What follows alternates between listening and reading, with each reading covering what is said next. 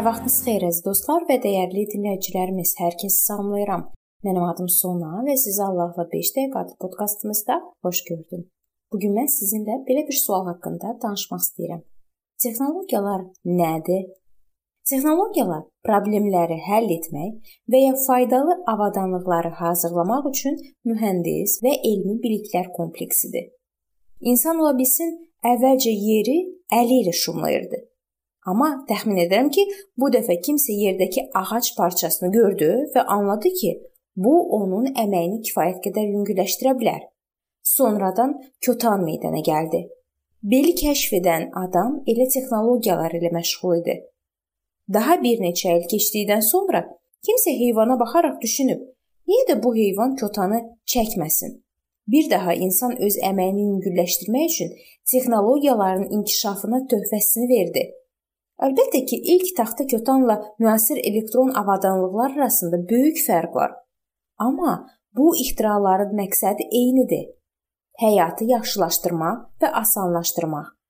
Bu onun nəticəsidir ki, insan problemi görür və onun barəsində düşünür, onun həllini tapır. Texnologiyaların inkişafı ilə budur. Amma ixtiralardan biri o birisi ilə birləşəndə texnologiyalar əsl güc mənbəyinə çevrilir. Bu zaman ümumi nəticə bu ixtiralar ayrı-ayrılıqda olduğundan daha səmərəli alınır. 18-ci əsrdə ixtiraçılar ilk dəfə buxar dartısının səmərəli olduğunu gördülər. Daha sonra 19-cu əsrdə daxili yanma mühərrikinin inkişafında ciddi irəliləyiş əldə edildi. Həmin əsrin sonunda William Armstrong və digər ixtiraçılar hidravlikanı öyrənməyə başladılar. Nəhayət, hidravlikanın köməyi ilə sadə kötan daxili yanma mühərrikinə birləşdirildi və traktora çevrildi. Mühərriklərin və hidravlikanın yaradılması ilə məşğul olanlar nəticədə əldə olunanı ağıllarına da gətirə bilməzdilər. Baxmayaraq ki, onun yaranmasında bu və ya digər şəkildə iştirak etmişdilər. Daha sonra peyklər, onları səmaya qaldırmaq üçün raketlər və qlobal yerləşdirmə sistemləri yaradıldı. Yəni GPS. Bütün bunları birləşdirin və nəticədə tikinti sahəsində çuxuru harada qazmağın lazım olduğunu özü təyin edən traktor alınacaq. Hər şey isə adi kötandan başlamışdı. Və növbəti ixtira üzərində çalışan hər kəs isə sonra hansı cihazın yaranacağını və texnologiyaların birləşdirilməsi nəticəsində hansı funksiyalarını yerinə yetirəcəyini qabaqcadan təsəvvür edə bilməzdi. Texnologiyaların birləşdirilməsi və ya texnoloji konvergensiya mobil telefon kimi yeni ixtiralarda aydın gözə çarpır. Onlar yenicə meydana gələndə hesab edilirdi ki, yalnız varlılar üçün əlçatan olacaqlar və insanlar təsəvvür belə edə bilməzdilər ki, ondan danışmaqdan başqa digər işlərdə də istifadə ediləcək. Lakin hər şey dəyişdi. Telefonlar kompüterə çevrildilər onlara məlumatları saxlamaq imkanı əlavə edildi. Daha sonra onları fotokamera və GPS sistemləri ilə birləşdirdilər və internet şəbəkəsinə qoydular. Nəhayət, sensor ekran texnologiyası sayəsində onlar istifadədə asan oldular. Bu birləşdirmələr sayəsində əvvəllər ağla da gəlməyən imkanlar reallığa çevrildilər və bu kiçik ölçülü avadanlıqlar faydalı və cəmiyyətin bütün təbəqələri üçün əlçatan oldu. Kəlküttə şəhərində günəmuzd iş axtaranların yığıldığı yer var. Onların bəziləri ilə həyatları barədə danışmaq mümkündür. Nə iş axtardıqlarını və kimsə onu işləməyə apararsa, nə qədər qazanmağı düşündüklərini soruşmaq olar.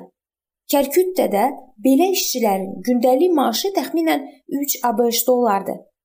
Və bu adamlar bütün günü ən ağır işdə işləməyə hazırdılar ki, bu 3 dolları qazansınlar.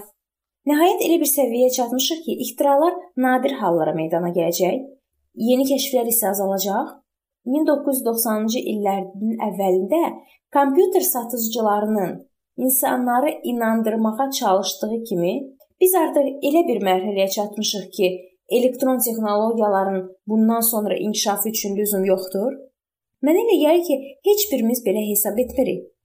Amma tamamilə aydındır ki, dəyişikliklərin necə sürətlə getdiyini tam anlamırıq.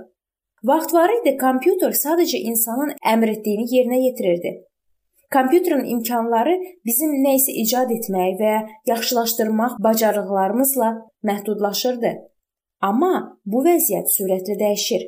Bu gün kompüterlər öz səhvlərindən nəticə çıxara bilirlər. Müstəqil şəkildə proqramlar tərtib edir, öz aralarında ünsiyyət qurur, hətta öz kodunu, yəni öz dilini yaza bilir. Kompüter texnologiyaları üzrə ixtisaslaşmış bir jurnalist bu barədə belə yazır. Bu gün bizim maşınlar hətta ən yaxşı proqramçıların belə anlaya bilmədikləri fərqli dildə danışmağa başlayır. Bəzilərini bu qorxudur, amma istənilən halda ortaya sual çıxır. Bizə xidmət etmək üçün yaradılan texnologiyalara bizim özümüzün xidmət edəcəyimiz zamanlar kandarımızı kəsməyibmi? Bu sual haqqında biz növbəti görüşümüzdə düşünməyə davam eləyəcəyik.